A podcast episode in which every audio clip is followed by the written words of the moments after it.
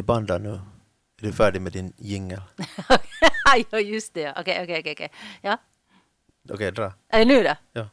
Vår nya jingel är alltså Vad ska vi göra för roligt idag? Nä. Funkar det? Jag skulle säga nä på ett underligt sätt. Men alltså du skulle säga den där samma jingeln vi hade förra. Ah, samma jingel. Vad var det? Uh, nu, nu, nya podden! Nåja, nu känner jag igen mig. Nu fick jag bra feeling. Nu kom vi i farten. Prima. Vad har du gjort idag, Klaus? Jag har varit på föräldramöte och sen har jag sant. jobbat ganska något sådär semiduktigt. Semiduktigt. No, du brukar vara superduktig alltid. Så det är helt okej att vara semiduktig ibland. Det varierar. Jag tycker jag, nu har jag haft sån här lite så här slow tempo. Jag har haft sån här slow city tempo på mig och har inte liksom... Jag måste alltid vänta med att det blir tillräckligt bråttom. Sen är det bråttom, sen är jag jätteeffektiv. Men jag kan inte jobba så där liksom att... Att jag gör det här nu färdigt för att om två veckor ska de ha det. Ja, nej, Det- det, det funkar går ju inte så. Nej. Nej. Utan då slappar man eller gör något sånt. Sen, sen emellan finns det en massa sådana små pyssel. Att det är inte riktigt något ordentligt sådant deadline-jobb utan det är något där, just där att den här borde man måste jag bara fixa vid något skede. Mm. Saker som lite hänger, som inte har riktigt dedis och lite sådär. Och det är där som sånt sillsallad som man bara måste få uppstädat. Mm, ja, precis. Ja, ja. Det är som den där högen med papper som växer där bredvid mig på mitt bord också. Någon dag ska Ja. jag ta hand om Ja. det. Kanske imorgon. Mm. Mm. Men vad hade du gjort idag? Vad har jag gjort idag? Uh, no, jag var bland annat faktiskt på restaurangen. Vi var på köket, i köket kanske heter det. Eh, och nu när vi öppnar brunchen så vi håller på att testa på att göra nya sådana frukostpizzor som bara skulle server- serveras på brunschtiden. Okej. Det- Müslipizza Jo, jo. och det där cornflakes och... Som är ju, all, alla gjorde bara på den här cornflakesmjölken som blir Ja. kvar. Ja. Det låter bra. Yoghurtpizza, vad annat finns det? No, vi tänkte ha äh, en förstås eh, så här klassisk med bacon och ägg och kanske liksom lite hollandaisesås och någonting sånt här liksom. Ja. Eh, och där förstås då piffa upp den lite så där att vi sätter baconen och gör dem till sådana här liksom chipsaktiga grejer som man sätter på efter att pizzan kommer från ugnen. Och hur får man det perfekta ägget? Tre minuter i ugnen är för länge, då hinner äggulan bli liksom ganska fast och man vill ju ha den rinnig så att den blir en sån här sås som sprider sig över pizzan. Måste man sätta den liksom där i slutskedet? No, ja, vi får- försökte på det också, men att det är, vet du, när det är 50 pizzor som står i kö så är det ganska stressigt att ta in och Ja. ut pizzor i mitten. Och man kan inte sätta den då när man tar ut den, skulle hinna liksom bara av den heta Nej, pizzan. det räckte inte heller. Nej, nej. Så vad har ni för lösning? No, troligtvis kommer vi att göra så, vilket är ganska kiva för det kommer se jättesnyggt ut när vi bygger upp den där pizzan sen, är att vi gör helt enkelt pocherade ägg som du efteråt sätter på på pizzan Okej. när den kommer ut. Och då kan man göra dem otroligt vackra med lite, eh, till exempel vi tänkte att vi röker själv lite lax och så sätter vi lax och lite spenatsallad och så kommer det här ägget vackert där och så kommer det lite vet du, hollandaisesås. Det blir liksom verkligt wow, frukostpizzor. Och sen förstås den där klassiska med bacon och ägg. Och det ska vara sån karatago. Så faktiskt diskuterar vi vår den här pizzan som du och jag har tänkt på. Den här Kalles kaviarpizzan med Ja. potatis. Och det där eh, andra godheter. Lite, lite så här vappen. Vappenfilis. Kanske lite krabbis, krabbispizza över Du det har hela. serpentin på pizzan. Absolut såklart. Karamelliserar så att den går att äta. ja, det skulle vara bra. Och inte ens svårt att laga. Vi har ju sådana som ser ut som serpentiner, den där, den där um, daikon. Man bara färgar den lite, tuffa Ja. färger. Det är bra idé. Okej, jag skriver upp. Serpentiner på pizzan. Bra. Så när jag frågar what? Ja. Så vet du vad det är. Men här skulle jag, det, det är det som vi just jobbar på, det är förstås att få alla råvaror att bli perfekta, liksom att i vilket skede ska man sätta dem på pizzan så att de är som bäst. Ehm, men här på pizzan när jag jobbar med, med pizzasmaker så jobbar jag också jättemycket med, alltid tänka på det här min formel som jag har till matlagning. Och det ju, går ju ut på den där, när vi gjorde vår den där kokboken Gourmeta Perkele här för tre år sedan. Vi gjorde din kokbok. Ja, Ja. men vi gjorde den tillsammans. Mhm. Och det där, där är ju formeln den här som, ehm, jag liksom hit, det här är någonting som alla kockar talar om och, och, och så här gör man god mat. Det är liksom ABC till att göra god mat. Men ingenstans hittar vi att någon skulle ha skrivit upp den här formeln någonsin. Och vi googlar mycket. Och på de alla språken vi kan. Och det där... Mm. Och vi kan många. vi kan många. På serbokroatiska hittade jag några sådana jag som var liknande. Ja. Ja. Men det där... Ja, alltså, det var, du fick ju sen feedback av någon, också någon som har varit med i någon Masterchef. Det är också från Pekka Teräväinen, då jag Ja, tränar men- med honom. Ja. Men också någon Masterchef som sa att, att där, om man Ja. skulle ha haft den här boken före tävlingen så skulle det varit så mycket enklare Mm. på ett sätt. För att alla just ja, alla domare, domare liksom kritiserar maken, maten och, och, och evaluerar den enligt den här formen, men ingen har någonsin sagt den. innan så här, ingen har byggt upp den till en Nej. formel. Inte. Det här är bara de upplevelserna man söker. Mm. Och det här är just det där att också när domarna på Masterchef eller olika mattävlingar, de smakar ju oftast bara på en gaffel liksom, av Ja. den här maten. Och så ska man liksom bygga upp det här också. Att, att, det där, att man ska kunna bygga upp så att du får alla smaker upp på en gaffel. Ja. Att du ska inte ha en tallrik som har 15 saker där på. För det är omöjligt att få allting upp på gaffeln. Ja. Och sen vet jag inte att i vilken ordning ska jag äta vad, då, vad ska jag sätta ihop och så här så att Du kan alltid fråga mig. Du Men, men du sa ju förresten i Masterchef att fast det inte syns så man gjorde alltid två portioner.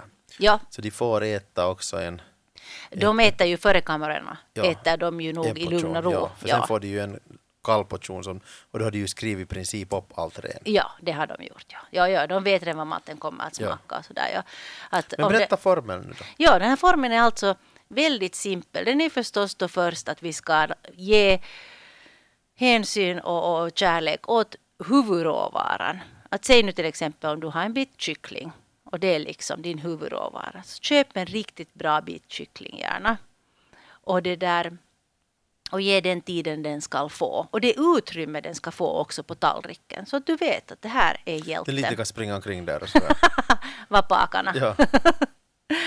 Sen har vi då, vilket jag tycker är nästan att den viktigaste, den här liksom, som är enklast att, att tona också, är ju den här balansen mellan syra och salt. Och syra kan då vara citron eller eh, granatäpple eller vitt vin eller vad det nu är. Och sen saltigheten. Och det här kan man testa den här balansen på mellan syra och saltighet eh, i alla sina maträtter. Ja. Att eh, jätteofta, eh, inte alltid förstås, men jätteofta så saltar människor för lite. Att om de skulle pusha det några korn till och sen smaka, så då märker man liksom hur de där smakerna stiger fram därifrån. Ja. Saltet gör det att alla andra smaker stiger fram. Och, det där, och, om man inte vill testa liksom i hela kastrullen med soppa, så testa i en liten skopa av soppan och utveckla den tills du hittar det här. Och i slutet alltid då sätta i, eller jag gör det jätteofta just att när jag stänger. nu tryckte jag här på något. Okej, Jag gör det ofta. funkar det? Ja, Jätteofta det där att när man tar eh, kastrullen från hettan, då sätter jag i några droppar citron. Och det gör lite samma sak som saltet, det lyfter igen de här smakerna fram därifrån. ja, De väcker upp dem igen. ja. Och det här kan man hålla på och tona med tills det blir perfekt. Men sen sägs det ju att man inte ska använda för mycket salt också. Nej, det ska man ju inte Så, göra. men inte. du säger att folk inte sätter tillräckligt med salt. Det är väl också lite individuellt vad man väljer, vänjer sig i. Absolut, absolut förstås ja. Och, och har man nu helt enkelt någon sjukdom att man inte ska använda det, Mm. då ska man ju inte göra det förstås inte. Men det där eh, i normala fall så jag menar människokroppen behöver ju salt. Och sen är det beroende på också hur man lever, hur mycket salt man behöver. Mm. Om man nu svettas massor och sånt här så är det också olika mängder. Men det där, eh, om vi nu bara talar om smaken, så man kan testa och testa just i en liten del av maten. Att när blir det här jätte, okej, att fan det här smakar mycket bättre. Jag brukar testa det jätteenkelt på kockskolor just sådär att jag- vi lagar majonnäs. Ja, Och då är det ju lätt att ta en liten tesked därifrån och där sätta lite till salt och lite till citron och så får gänget smaka jämfört med den där portionen som inte har tillräckligt. Och då märker de att, att det är liksom enorm skillnad. ja, Så det ska man tona på. Det Okej. måste man jobba på. Och eh, den andra viktiga grejen är ju den här konsistenser i maten. Om hela maten är bara mjuk så blir det ganska tråkigt att äta i längden. Om du ska hela stora portioner, ska samma konsistens. det blir som pudding. Ja, så tänk på att få olika konsistenser. Och det här hämtar ju olika upplevelser i munnen och också olika smaker i munnen. Ja. Så att till exempel om man lagar ärtsoppa så kan man ju bra laga till också. Först tonar man då syran och salten där och så lagar man till kanske någonting krispigt. Du stek, steker gårdagens bröd i lite vitlök och olivolja och, Ja. sen sätter du det där på toppen. Så då kan du emellanåt ta bara ärtsoppa och emellanåt kan du ta ärtsoppa med lite crunch i. ja. Det har varit hemskt kiva det här när du har haft den här löken. Ja, den här alltså friterad lök. Ja, för du har haft det i en Halleluja. skål och man kan sätta det på allt och det är bara det är jättegott. Mm. Man kan Det sätta det, jätte, liksom bara på när man steker ett ägg så sätter man med det dit. Och det Precis, Gott. just det. Och då får du liksom, jag menar ägg är- redan fantastiskt. Men så det där lilla crunch med den där lilla extra smaken. Ja. ja. Det är guld värt och dessutom är guldfärgat. Men det här är liksom den viktigaste grejen. Att eh, respektera din råvara, citron och saltbalansen, konsistensen och sen förstås hur man lägger upp det. Att har du gjort allt det här besväret, köpt ingredienser, lagat fantastisk mat, så är det nog kiva också att sätta fram det lite vackert. Välj en kiva tallrik och tänk lite på att det finns tillräckligt sås och vet du, hönan syns och så här. Och så blir det jättehärligt. Och också man kan servera förstås alltid med en, en liten klyfta citron med så får alla sätta lite syra på själv också. Ja. Och då blir det supergott. Och det här alla grejerna tänker jag alltid på, också när jag gör pizza.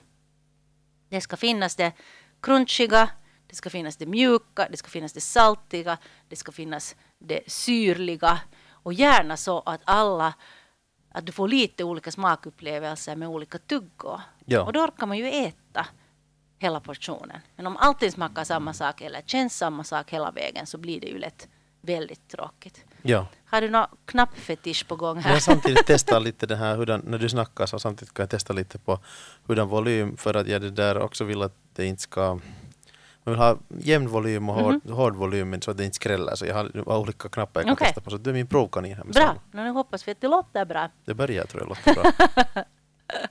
Jättebra. Men det här är på riktigt små enkla knep. ja. Om alla liksom vågar lite testa sig fram på det här så blir all mat jättemycket godare. Och det är ju på riktigt, det är ju inte svårt. Det är, och det är de här grejerna som alla kockar i alla kök jobbar med. Ja. Och, de, och sen förstås en hel jävla massa smör. Ja. Det är liksom, det här är de där heliga byggstenarna till god mat. ja. Och sen li- lite tips och tricks förstås, men det kommer med tiden. Det är tokigt det där att allt det där liksom smör och grädde och allt det där gör saker nog jättegoda. Ja, att liksom att sen när man verkligen. försöker göra lite low-fattiga grejer så det är nog alltid lite sen krävande. Ja, så jag skulle nästan säga att, att eh, jag menar vi är ju sådana som äter av allting. Mm. Att eh, om man sen, förstås ja, man kan gå ner i vikt, man går på salladsdiet och man låter bli att äta och allt det där. Men om man nu vill bara må bra och, och fortsätta livet så här så då skulle jag säga att gör mat precis så god som ni vill med de ingredienser man vill.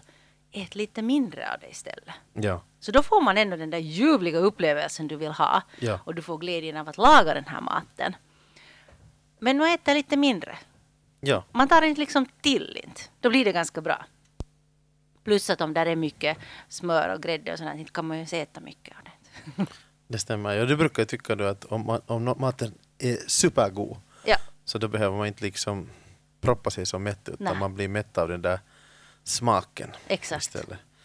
Ja, Men det stämmer ju med vissa saker, men vissa liksom, har man märkt också att det funkar jättebra det där att som till exempel de här Ahlgrens bilar, de där karamellerna. mm, De, ja. är, de är goda men de smakar så lite på ett sätt Ja. att man blir helt hooked. Man vill ha mer av den där smaken och mer av den där smaken. Liksom. Ja. För det är så gott men det smakar inte riktigt, riktigt starkt. Nej, man får aldrig tillräckligt av den här smaken så du kan äta en hel Ja. påse. Ja. Ja, det är genialisk kar- karamell och Ja. jättegod.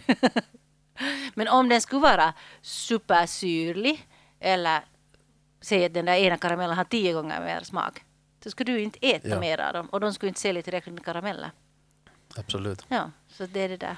Det här också funkar. Ja. Sen har du ju alltid tyckt om simpelmat. Du har ju tyckt liksom princip att, att man inte ska konstla sig i onödan utan att det ska liksom vara så här är redigt och Ja. liksom Absolut. less is more på ett sätt. Definitivt.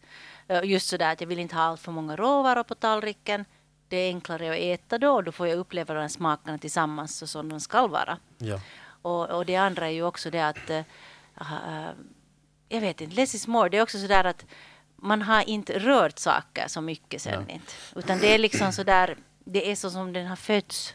Och vi, Mm. Men om vi tänker till exempel nu Borgå-restaurangen, vi tänker Meat District, så de kör ju ganska så. Ja. Less is more. Ja. Men sen om du tar Sinne, som ju också är en jätte, liksom, fin restaurang, Mhm. så det är ju verkligen more is more. Det är ju allt är liksom, allt är, är petats på helt massor och Ja. allt, är små konstverk. det är sant. Men vad tycker Men därför det? går man ju dagligen dit och äter hela tiden. Hela, liksom, för att, eh, Du, du är inte så förtjust i den stilen? Nej, inte så förtjust. Alltså de har god mat. Ja. Alltså gå och äta dit. Vi går Ja. dit också. Ja. Det är ljuvligt. Men det är inte så där att jag skulle gå dit hela tiden. Inte för det känns det här, um, det här prippelgörandet. Ja. Det liksom älskar jag inte. Men det är under, man hittar ju nog, man, kan vi säga så här att det är lite annan grej att om, om man går till Meat District och du älskar till exempel den här ryggmärgen, Mhm. att det är bara då en... Benmärgen. Be, be, be, ryggmärgen. Jag, har, jag sa ju ryggmärgen, den här benmärgen, att jag säger allt fel. Men benmärgen så, du, det där, du tycker ju om det liksom. Ja. Det, det är egentligen, vad har de gjort där? De har satt smör och sen har de satt den i... Nej, alltså det är benmärg Ugnen. och istället för att uh, man har skärt den upp liksom så att det blir som en skåra, skurit upp Ja. den så att det blir som ett dike Ja. eller vad ska vi säga. Där in ligger den här benmärgen som är grillad då en kolgrill har fått den här Har de satt något till eller är det Nej. bara så? Okej. Så och sen ju- när den kommer ut därifrån så kommer det lite citron, lite salt på och så serverar du dem med, med lite fiskrom. Ja. Och det är ju då det ultimata på ett simplistiska. Ah, ja. Men, men, men, och då smakar det vad det smakar. Mm. Men sen om du går till sinne och de har gjort något så här att där är blommor och där är såser och där är små skumhögar och det ena och det andra. Mm. Så då kan det ju komma någon sån jättespeciella liksom, smakupplevelser. Det är lite sådär som att man skulle precis känna smaker som man aldrig har känt tidigare. Mm. Alltså, och det är ju ganska spännande också, lite sådär som att se en färg man aldrig har sett tidigare. Det Mm. finns liksom inte, men på grund av de här olika kombinationerna så händer det någonting och det händer något ganska spännande. Man, är så här, man kan plötsligt få liksom sådana minnen eller barndomsminnen och det här, det här smakar lite som det doftar hemma hos min farmor i övre våningen när hon hade någon sån här tvål. Man får sån här behaglig doft, jag menar, säger inte att det doftar tvål, men det, men det finns något sånt där liksom spännande. absolut. Ja, något sånt här. Ja, ja. Och det är ju också ganska speciellt liksom att, att, att det är lite motsatserna till att Alltså sinne är inte riktigt motsatsen. Inte. Att ska vi säga att eh, en tallrik var det finns 15 olika komponenter vet du, och det är ditt och datt och sådär. Det är motsatsen. Sinne är fortfarande ganska simpelt. eh, men de satsar väldigt mycket just på otroliga såser och, och kremer Ja. och, och, och det, vad heter det här, puréer och Ja. sådant. Vilket jag själv nog också absolut älskar. Och de har inte galet många komponenter på tallriken. Men de gör så här små petita eh, rätter. Ja, Och, och de är så fullspäckade med smak att du behöver Ja, inte stora ja. portioner av de här. Inte. Men de har ju jobbat mer, de rör mer för på tallriken lägger de upp det så vackert. Ja. Och då måste du ju röra det. men det är inte som de där som vi hör, hörde om de här restaurangerna som hade serverat till exempel crème brûlée i form av en doft. Ja. Riktigt sån här super fine dining. Ja. Och no, no, så, så, nu serveras crème brûlée och så kommer någon och, tsch, tsch, och, det var liksom bara det. Och sen hade, sen hade någon hade var, var det så att, att efterrätten var som en hologram. Det var också sånt att det Ja. fanns inte sen där. Nej. Men du kände det på något sätt. Ja. Och sen var det en sån där att efterrätten de bad att varsågod, varsågod kom hit till nästa rum och så ska man slicka efterrätten från, från tapeterna. ja. Så jag menar det är liksom sådär fine dining. i. Det, det är gone crazy. Man ska inte gå dit då när, när jag är hungrig. Ja. Vet du hur arg jag skulle bli Ja. om någon skulle komma och slänga mig en, en doft i mitt ansikte när Ja, jag är hungrig? Nej men det är, maten är ju just sådana härliga upplevelser. Just när du sa det här med minnen från farmors liksom, eh, tvål eller någonting sånt Ja. här. Och det är ju det som är så fantastiskt med mat. Ja. Idag också när jag levererar den här efterrätten till restaurangen och James smakade på den här eh, min saltiga karamellsås. Ja. Och han var så här, alltså det här är ju himmelrike. Ja. Och det är min farmors recept. Men jag har bara tonat det så att jag har ändrat, satt lite mer salt i det. Ja. Och den är så förbannat god. Och det är ju enkelt. Det är socker, smör, grädde och salt. That's it. Ja. Och det är så där att vad du än sätter den här på, är det en eh, glassbit eller en rabarberkaka så är det jävla gott. Ja, ja. Men eh, det är faktiskt någonting som är en, en sån grej som kom åt mig också här nu först på vuxen, vuxenåldern att jag har börjat tycka om såser. Ja, jag kommer ihåg, du var inte riktigt het på såser då för en masterchef för du måste liksom läsa in dig på det allt. Jag måste lära mig då snabbt, ja. Och jag det där, men nu liksom fattar jag, ja, det där såser, det går tid till dem. Ja. Och, och du måste ge jättemycket kärlek till dem. Men du, du kan ha dem i frysen färdiga sen där, sen bara ploppa fram dem när du behöver, för man gör ju på en gång ganska mycket. Ja. Jag å andra sidan var ju jättebra på såser. Ah, ja. Jag hade ju sådär att jag var såsmästaren alltid då liksom med mina ex-flickvänner. Att jag tog sen och satt smör och grädde och alla kryddor man hittade i skåpet och testade på. Det var en sån jättetjock brun Ja. smet som var helt sjukt kryddig och det var liksom jätte, jätte Det var din sås. det var min sås. Och du har lärt mig Och det kunde man sätta på fisken och vad som helst och ingenting kände man smaken av efter det. Det var bara det här pepparsåsen. Det var den där såsen. Och, och sen skulle det vara ännu så här, vad heter det? Ros- Rosépeppar.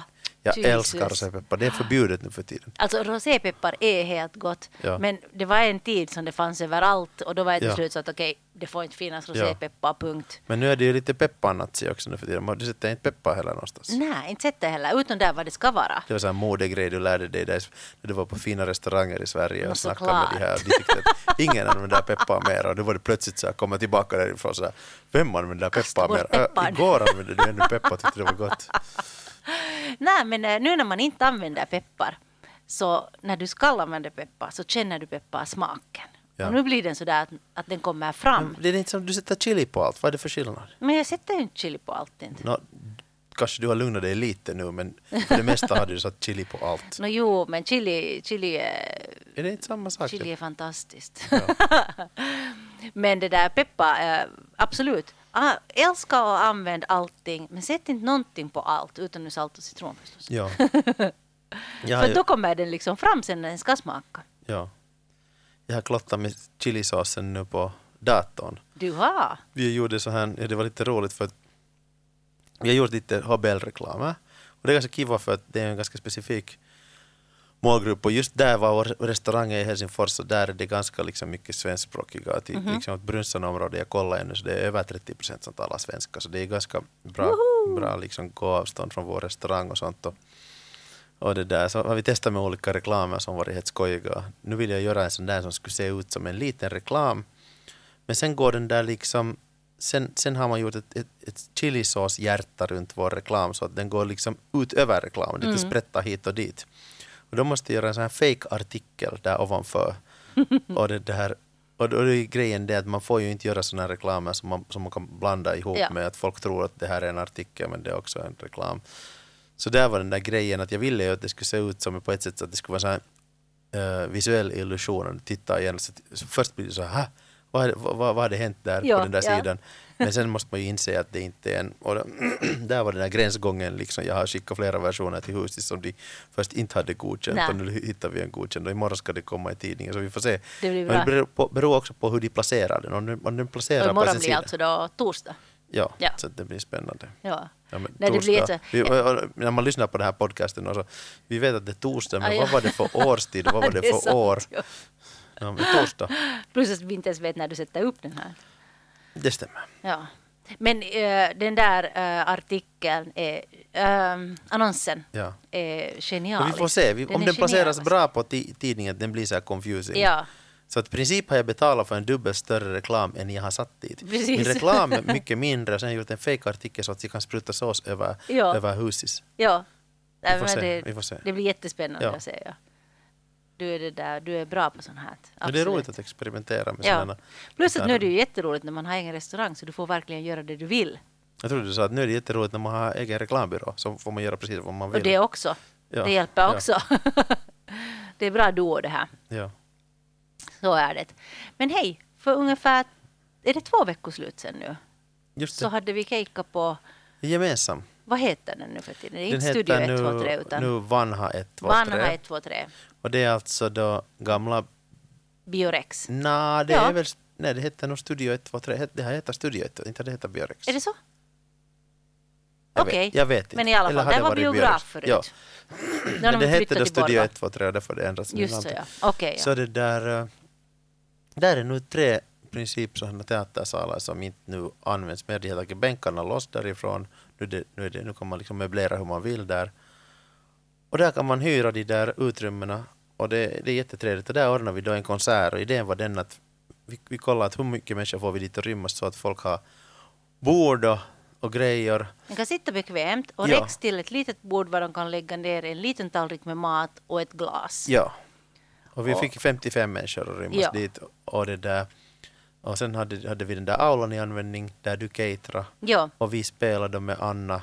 Anna och Klaus. Ja, och, och där var Thomas Törnros och Rob Dominis och Janne Rajala med Ja. och, och spela och det där. Hade de konsert med lite så här easy going, att man får gå ut och ta mera och man får ta dryck och man Ja, får det ena och det man fick andra. lite tala. Lite mingla och Ja. sådär. Så det skulle vara lite sådär som det skulle vara en musikbar på ett sätt. Liksom. Man nog lyssnar på konserten men man, är inte, liksom, man måste inte, man får nog gå av och ut på tobak eller man kan gå ta ett, fylla ett glas eller Ja. man kan lite kommentera med sin kompis. Det, det blev ett jättebra koncept Ja. och folk tyckte om maten Ja. jättemycket. Och det var lite Alltså utmanande för utmaningen det. var ju där ju att det inte, absolut inte finns något kök. Så att man måste tillreda allt då utanför det här stället. Hämta dit det, där fanns ju inte tillräckligt med kallutrymme eller någonting. Så man måste ju tänka på att, att det är mat som då håller det här. Men samtidigt ville man att det skulle vara tillräckligt roligt och lyxigt liksom att när man kommer dit på fredagen Ja. så blir det jätteskojigt. Förväntningarna är höga så att när du, du har inget kök, du måste Nej. lägga ut, upp bara liksom kallmat. Men för, förväntningarna är hö, höga, liksom, att Lotten ska liksom blow our minds. Så Ja. på det sättet var det ut, utmanande för dig. Precis, ja. Och, och det är ju alltid så att det finns hur mycket idéer som helst om man vill liksom göra förverkliga. Ja. Och, och, och så blir man så lite så frustrerad när man inte riktigt får göra det där som man vill, Ja. inte, när det inte finns att värma eller så här. Ja. Men som tur kom min syster Maria med och hjälpa. Ja, och Andreas kompis var också med och det Ja. där. Andreas Ja. kompis. Andreas, vår kompis, var det också med. Ja, så han har ju ordnat tidigare mycket jazzfester och saker. Vi har Ja. ordnat tillsammans och du har Det caterat. Så det, det var kiva team liksom. Vi kunde med det här teamet ordna mera och det var hemskt många som nu har frågat när när ordnar ni nästa? Det är sant. Det är sant. Man skulle bra kunna ordna för det är lite som en fest. Det. Och det är liksom, det var faktiskt roligt. Och det är liksom, vi har ju ordnat hemma också olika sådana happenings och sånt där. Men när man ordnar någonstans annanstans så det är på något sätt eh, enklare för oss och det är jätteskojigt för, för gästerna att komma dit liksom. Det är lite nytt ställe och så här liksom. Jag vet inte. Ja. Det var på något sätt Och jättemysigt. det är roligt sådär. ställe för att det är liksom lite sådär som en liten lepakkoluola. Det är Alltså, just vad Allt det är är. bara målat svart, mattsvart, alla salar. Ja. Där finns liksom lampor, man får ganska kiva liksom sån här dimmad belys med neddämpad belysning. Ja. Och, och det där, Och det känns och akustiken är jättebra. Sådär som en uh, tränings, uh, rockig träningspojke. Sådär att allting är lite opar och eh, lite Alla stolar sådär, är lite ja, olika. allting är lite di- ditåt. Men det är det som är just härligt. För, Exakt. för problemet är att det finns sådana fina pajkor här som, ska vi säga, Grand, som är Mm. jättekiva. Vi har ordnat mycket konserter där. Men där, där sitter man inte med ett glas utan man går på mellanakten. Så det Mm. är lite så här finare. Och sen eh, har vi Konstfabriken som, som i princip har bra utrymmen och allt det där. Men där är också liksom det är så dyrt att hyra dem att det Nej, är där man svårt att göra det. Nej. Så att det, där, eh, det här är liksom billigt att hyra Mm. och man kan ordna jätteroliga eh, happenings där. Och jag, vi, liksom Borgå har be, behövt en sån pajka och nu Jo. finns det. ja. Och det, där, det var många nu som hade tyckt att vårt koncept var jätte, liksom, bra. Många andra som tyckte att, att de ska testa också på Alltså att ordna så här hoppeligen, grejer. Ja. hoppeligen. Jag tycker det skulle vara jätteroligt att gå. Ja. Alltså det där just när man får sitta ner, mingla, inte sådär att du måste stickarna sitta och lyssna på hela den här konserten. Utan man kan stiga upp och ta ett glas och lite prata och skratta så lyssnar Ja, man igen. ja. Och dina mellan eh, de här speecherna var ju också jätteroliga. Så det är alltid skojigt när gängen får skratta och ha sig där.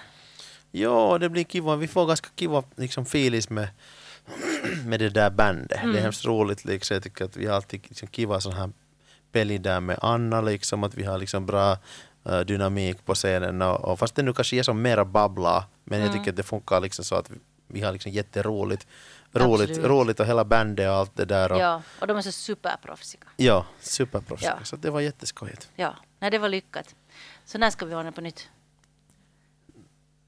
Ja, jag tycker att det var jobbigt liksom. Det är inte så hemskt. Alltså grejen är att vi skulle, jag gjorde inte ens reklam och det här gick nu helt. Jag satt bara på Facebook och de här biljetterna gick direkt. Så vi skulle kunna bra ordna en till, till och med före sommaren. Jag tycker vi borde. Borde vi? Ja, bara för att få lite in det, då, då är det bra att göra det lite oftare. Ja. Att köra in det. Eh, sen annars så tycker jag inte att man kanske behöver göra det oftare än fyra gånger i året. Ja, och sen kan man fundera att gör man sån här grej med några andra band liksom. Ja, Eller ska ja. det bara vara vi som spelar alltid? Ja, Men nu kunde vi spela en gång till för det går att sälja biljetter åt ja. människor. så det skulle vara jätteskojigt tycker jag. Vi funderar. Vi får inte. Ja. Det är jättebra. Ja. Vad tycker du om vår nya podcast, det där uh, Studio. studio nu? Stu, stu, stu, studio.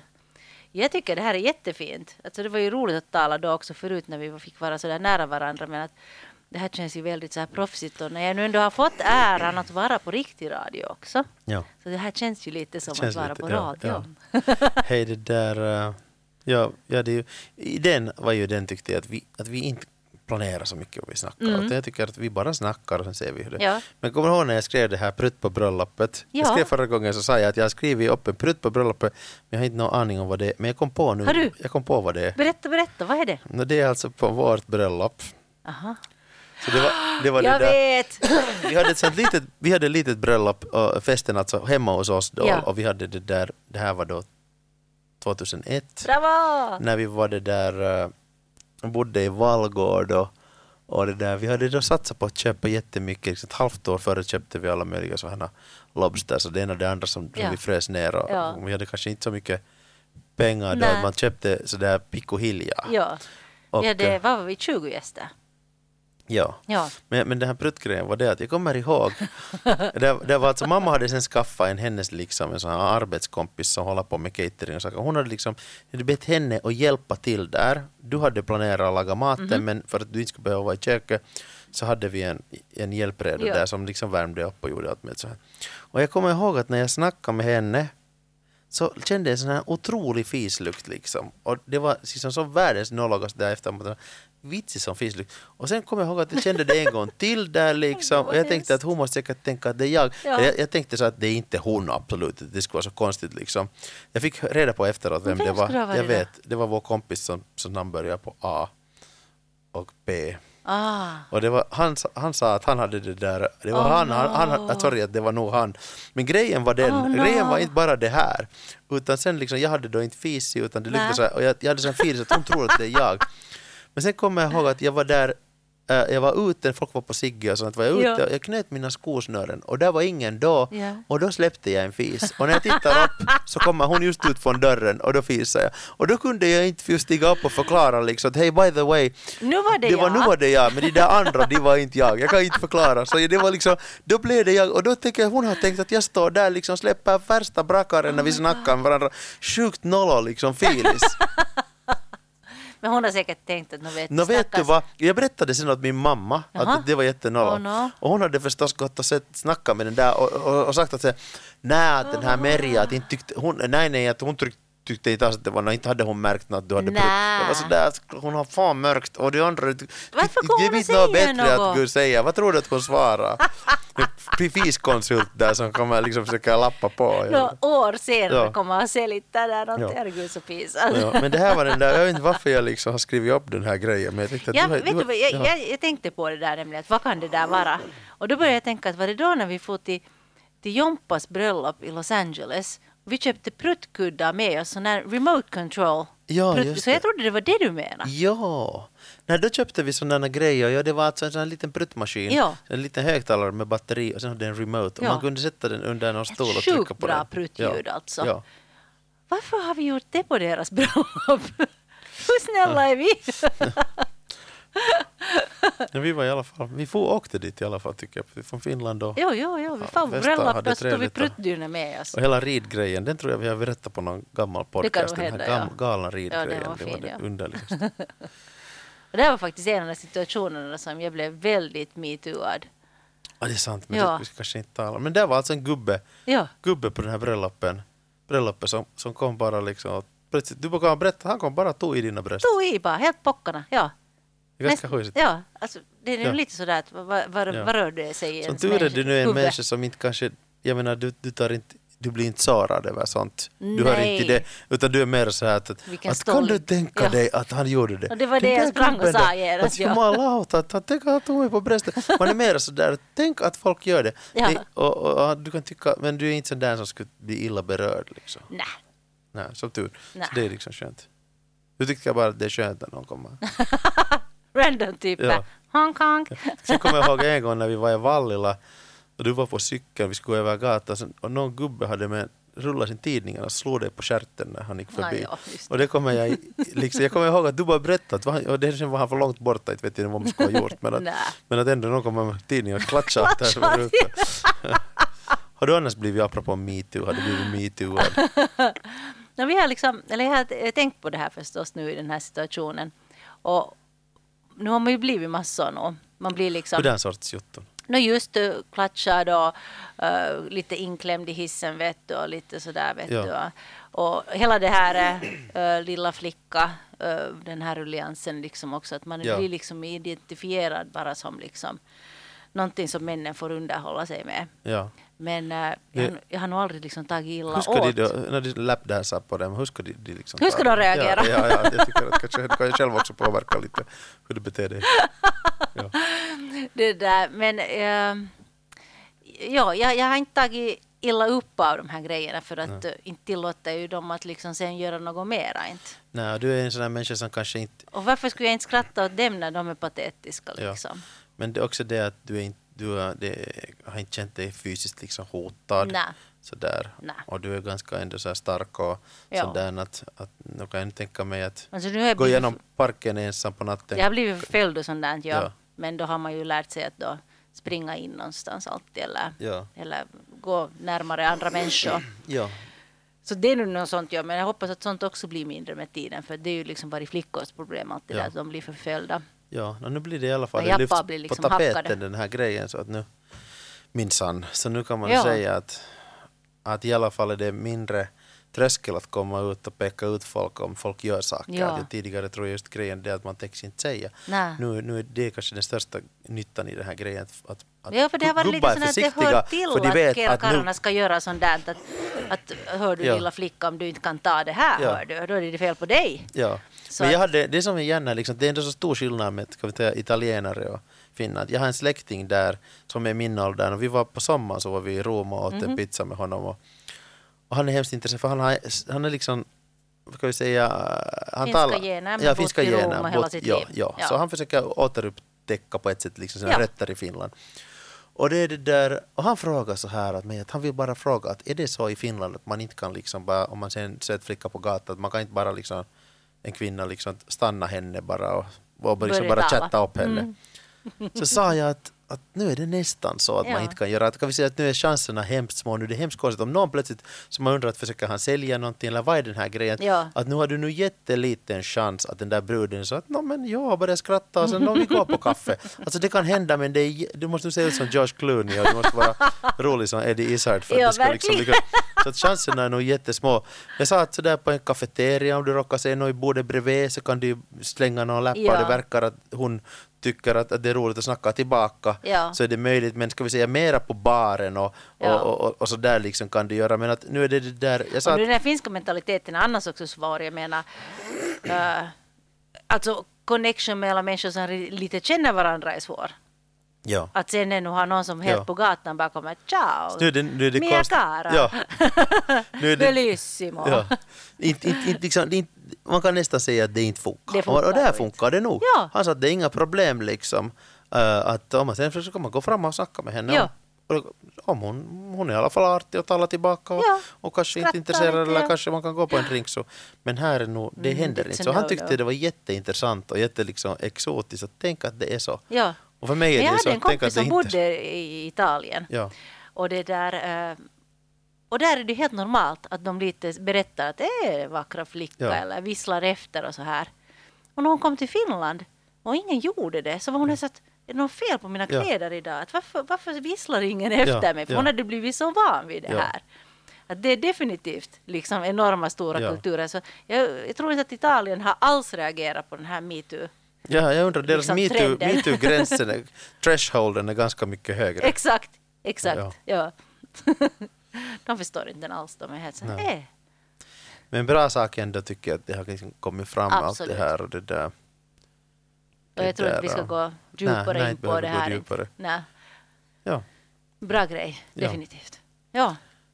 Vad har vi annat för på gång nu för roligt? Du, du jobbar där nu på morgnarna, på, på veckoslutmorgnarna på restaurangen Jo, hela tiden. alltså det är ju otroligt svårt att få tag på kockar. Ja. Alltså det är nästan något sådär nu att jag går och frågar vem som helst kan jag skola dig till kock för det Det går bara, inte att men det kan få. man inte i Finland heller. Du kan inte stanna någon på gatan och bara gå och snacka med den. Det är det som är problemet. Liksom. Det, i, I Italien skulle du bara snacka med vem som helst. Stanna bara sådär. Men i Italien vet du, så är det ju liksom, det är en, en, en fin stolthet att vara Ja. pizzakock. I Finland så är det ju sådär att pizzakock, mm, mm, Ja. Det är inte bra idé. Nej. Så att det där, och också nu när vi söker kock så man måste ju berätta liksom, okej, okay, vi söker huvudsakligen pizzakock men alltså vi gör alla saker själv, vi gör degen och såser och köttet och fisken, allting själv. Ja.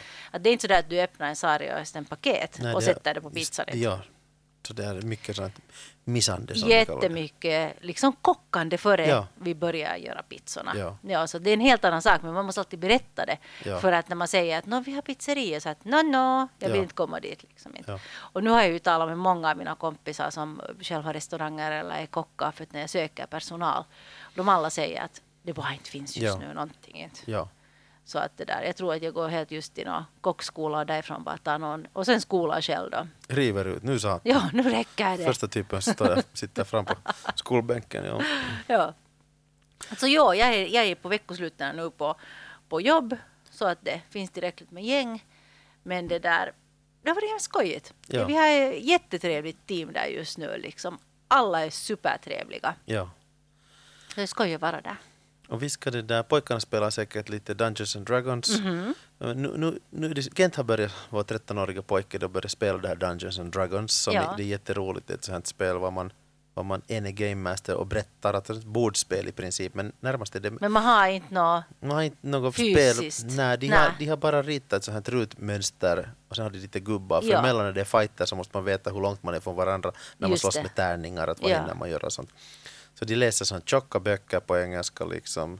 Och det är Som 300-400 otroligt sidor. fantasispel. Ja, och det är otroliga regler och, och allt med så att de sitter och gör sina karaktärer i timmar. Ja. Och, och, och, Och de spelar i timmar. de spelar i timmar, det är åtta timmar eller något sånt sitter de och spelar. ja. Och det är ett spel Ja. och sen fortsätter det nästa veckoslut igen åtta timmar. Och däremellan har vi måste vara med lite när det inte har varit tillräckligt med bemanning och efter tre timmar börjar man tycka så här ska vi nu göra något annat. Ska jag hänga upp den där tvätten istället? Men, men min kompis Fred som var här med sin son Leo också och spelade en gång. ja. Jag fanns inte tillräckligt med karaktärer så de f- fick vara en gubbe med två huvuden. så det var Leo var ena sant? huvud Herregud, så bra. ja, och Fred var andra huvud. Men i alla fall så det där eh, Fred blev så inte över det att han bad ju oss att spela. Han gjorde ett eget, Hitta på ett eget. ett eget som är alltså i den här eh, Blade Runner-världen. Jätte, Så jättefint. Han byggde upp karaktärer och grejer och satte upp den på nätet så att vi kunde gå och titta och ändra på våra gubbar. Och sen får vi till dem och spela. De hade ett sånt hobbyrum där, gemensamma husets hobbyrum. Och det hade han gjort så att han tonade ner belysningen. Mhm. Han hade pro- projektor som kunde projicera saker på väggen, bilder från den här världen, vad som Ah, hände. stimmung. Och sen hade han musik som passade i olika scener. Och sen Det hade man chips och verkligt grejer på bordet och man sitter i den där belysningen liksom och spelar. Och han hade verkligen satsat på det och nu ska vi fortsätta spela. Och det var då liksom papporna och pojkarna som Okej, spelade. det var nog ganska fint. Men det är ganska spännande att det som vi spelar där kanske nu i tre och en halv timme Mhm. eller fyra timmar, Mm. så det i riktiga livet skulle på riktigt ha varit kanske 12 minuter. Oho. Det var så mycket actionscener, kan- kanske 20 minuter, men att i alla fall, vet du, du ska kasta tärning och det ena, nu gör du det här och det andra, Ja. så det är verkligen liksom långsamt. Ja, Så att det, där, så det, kommer, det går inte så snabbt framåt. Men han har då planerat en hel story och nu Oho. håller vi på att söka sådana replikas så vi har kommit in i en sån en sån shop var de gör olika, olika delar till sån här replikas och den här gubben vill inte berätta var de här replikas finns så vi försöker på något sätt där i den här varför vill han inte berätta? No, för han, det hans business är att sälja de här replikas, men vi, vi, vi är så här uh, Blade Runners som försöker ta fast de där replikas, replikanterna. Ah. och det där... eh, och eh, en av oss, eh, jag har till exempel den här, jag spelar tillsammans med Freds dotter, Mhm. eh, Anja, som är, vad är hon, vad hon kanske, Elva? någonting sånt. Ja. Och hon är en sån här virtuell karaktär, som är min virtuella karaktär. Och hon kan gå in, eller hon i princip lever i olika eh, liksom datorer och maskiner. Okej. Så hon kan gå in plötsligt och om det finns en stor screen på gatan så kan hon ändra på vad där står. Eller hon kan gå in i Kan hon visa sig i, i vilken som helst data. också? Så hon kunde hoppa in i den där butiken i hans datasystem, i hans Just kassasystem och titta alla grejer som han har, han har gjort för transaktioner och sålt och, och, och analysera dem. Så hon, jag skickade henne direkt in i kassasystemet och då, Nice. då berättar Fred vad, vad, hon, vad hon bläddrar, vad, han, vad hon ser där. Ja. Då försöker vi lista ut från det, ah, här finns här några clues. Oh och hela God. så det är jätteavancerat och I- man märker emellan man blir så en trans. Som du, när du tittar på en film Ja, så du är inne i en trans, liksom. emellan Ja. du glömmer, glömmer bort, emellan blir man aware av var är popcornen. Ja. Men emellan du helt, helt bort, du nästan liksom gapar och dreglar. Ja, och här märker man samma, att man blir i en sån här vissats. ja. Och det är det som ungarna gör här varje, varje Ja. veckoslut. Ja. De blir, och sen kommer de ner och så frågar man hur var det? Det var så bra! Ja, De är liksom och helt och senast när de kom så här, det är ju Kent som hittar på de här grejerna. Och sen var de så där alla, vet du vad som hände, vet du vad som hände? Den där karaktären som dog där tidigare, i slutet, han kom tillbaka! Vi trodde inte våra ögon, han kom tillbaka! Jag sa, "Nej, Kent har hittat på att nu kommer han tillbaka, så kommer han tillbaka. Jag trodde inte våra ögon. Det är sådär liksom, helt som det skulle vara helt på riktigt. För den var det inte sådär att, att Kent hittade på att, att det där han kom tillbaka. kom han utan, tillbaka. utan det, kan, Ja. kan ni tro? Nej, jag kan inte tro. Det är sant. Jag Alltså kan- Lotte, lyssna på det här. Han kom tillbaka. Ja. Säger, "Åh!" Ja, oh, sant. Det är inte så här svårt, Kent bara hitta på. Han kan hitta på att det kom ty tio samma typ tillbaka. Va, tio, samma typ. Nej, liksom, för den blir det liksom verklighet på något sätt. Ja, de är helt jättesöta. Det är jättebra. Mm. och det är fantastiskt, för det är inte att sitta och spela dator eller tv-spel, utan det här är faktiskt fantastisk fantasi. Mm. Ja, det är en slags liksom så här... Så här Hjärnspel? ja, en, en, också så här slags liksom, vad kallas det för så här, så här improv theater, vet du? Att, Ja, att lite precis, sådär ja. att alla, alla får göra vad de vill sant. liksom och improvisera och de andra reagerar. Och Game Masters roll är bara att berätta vad det Styra händer, hur sa-. Mm. miljön reagerar på vad ni gör. Och ni kan egentligen gå och göra vad som helst. Han kan bestämma att de här dörrarna är låsta, därför kommer ni inte in dit. Men att om du plötsligt är så där, du, jag spränger den här dörren. Och då kastar man tärning och han har berättat att det är en järndörr. Om man lyckas då spränga upp Då den, spränger då är det bäst att Game Master hittar på vad där finns. Och Ja, de måste ganska snabbt hitta på vad där syns. Ja. Liksom att, att hans jo, jo, jobb är att alltid reagera och bygga vidare på den här världen. Ja, ja det är nog precis. hemskt roligt och hemskt kreativt. Ja, det är fantastiskt. Ja. Det är jättefint, ja. Ja. Så är det. Ja, Ska vi runda upp här? hur länge har vi hållit på nu den här gången då? Det är alltid bra om du berättar det lite. Vi har ju just förra gången skrutit med hur vi vill att de här ska vara jättelånga. 47. 47. Det är ganska, alltså tiden går snabbt när man babblar, det är inte tokigt. Tiden går snabbt. Vartifrån är det där mot det? Tiden går. Det, är- det är någon just sådär som har gjort något jättetråkigt och alla andra har, ligger och sover bredvid ungefär.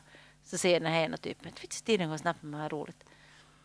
Nej, jag vet inte varför Okej. jag sa det. Det var jättedåligt. Det var din härliga avrundning idag. Lotten kommer alltid med här anekdot här i slutet. Är det inte alltid så? Du har alltid kvällens anekdot. Mattips och anekdot. Och jag har, jag har dagens uh, pruttstory. ja, precis. Först talar vi jättefint om liksom fina restauranger och sen berättar Klass sin prutthistoria. Den här nivån är lite fluktuerande här på vår... Det är det vår som är så underhållande. Men ska du ta din slutjingle nu? Hurdan var den? Oh shit. Det var att jag säger sen när på ett underligt sätt. Ah, ja, Först säger det. du någonting. Nej, men det var jag som sa när på ett underligt sätt. Men jag tog den senast, jag Aha. kapade den. Så nu säger du någonting tack och hej och sen Okej. säger jag när på ett underligt sätt. Jag säger tack och hej leverpastej. Nä!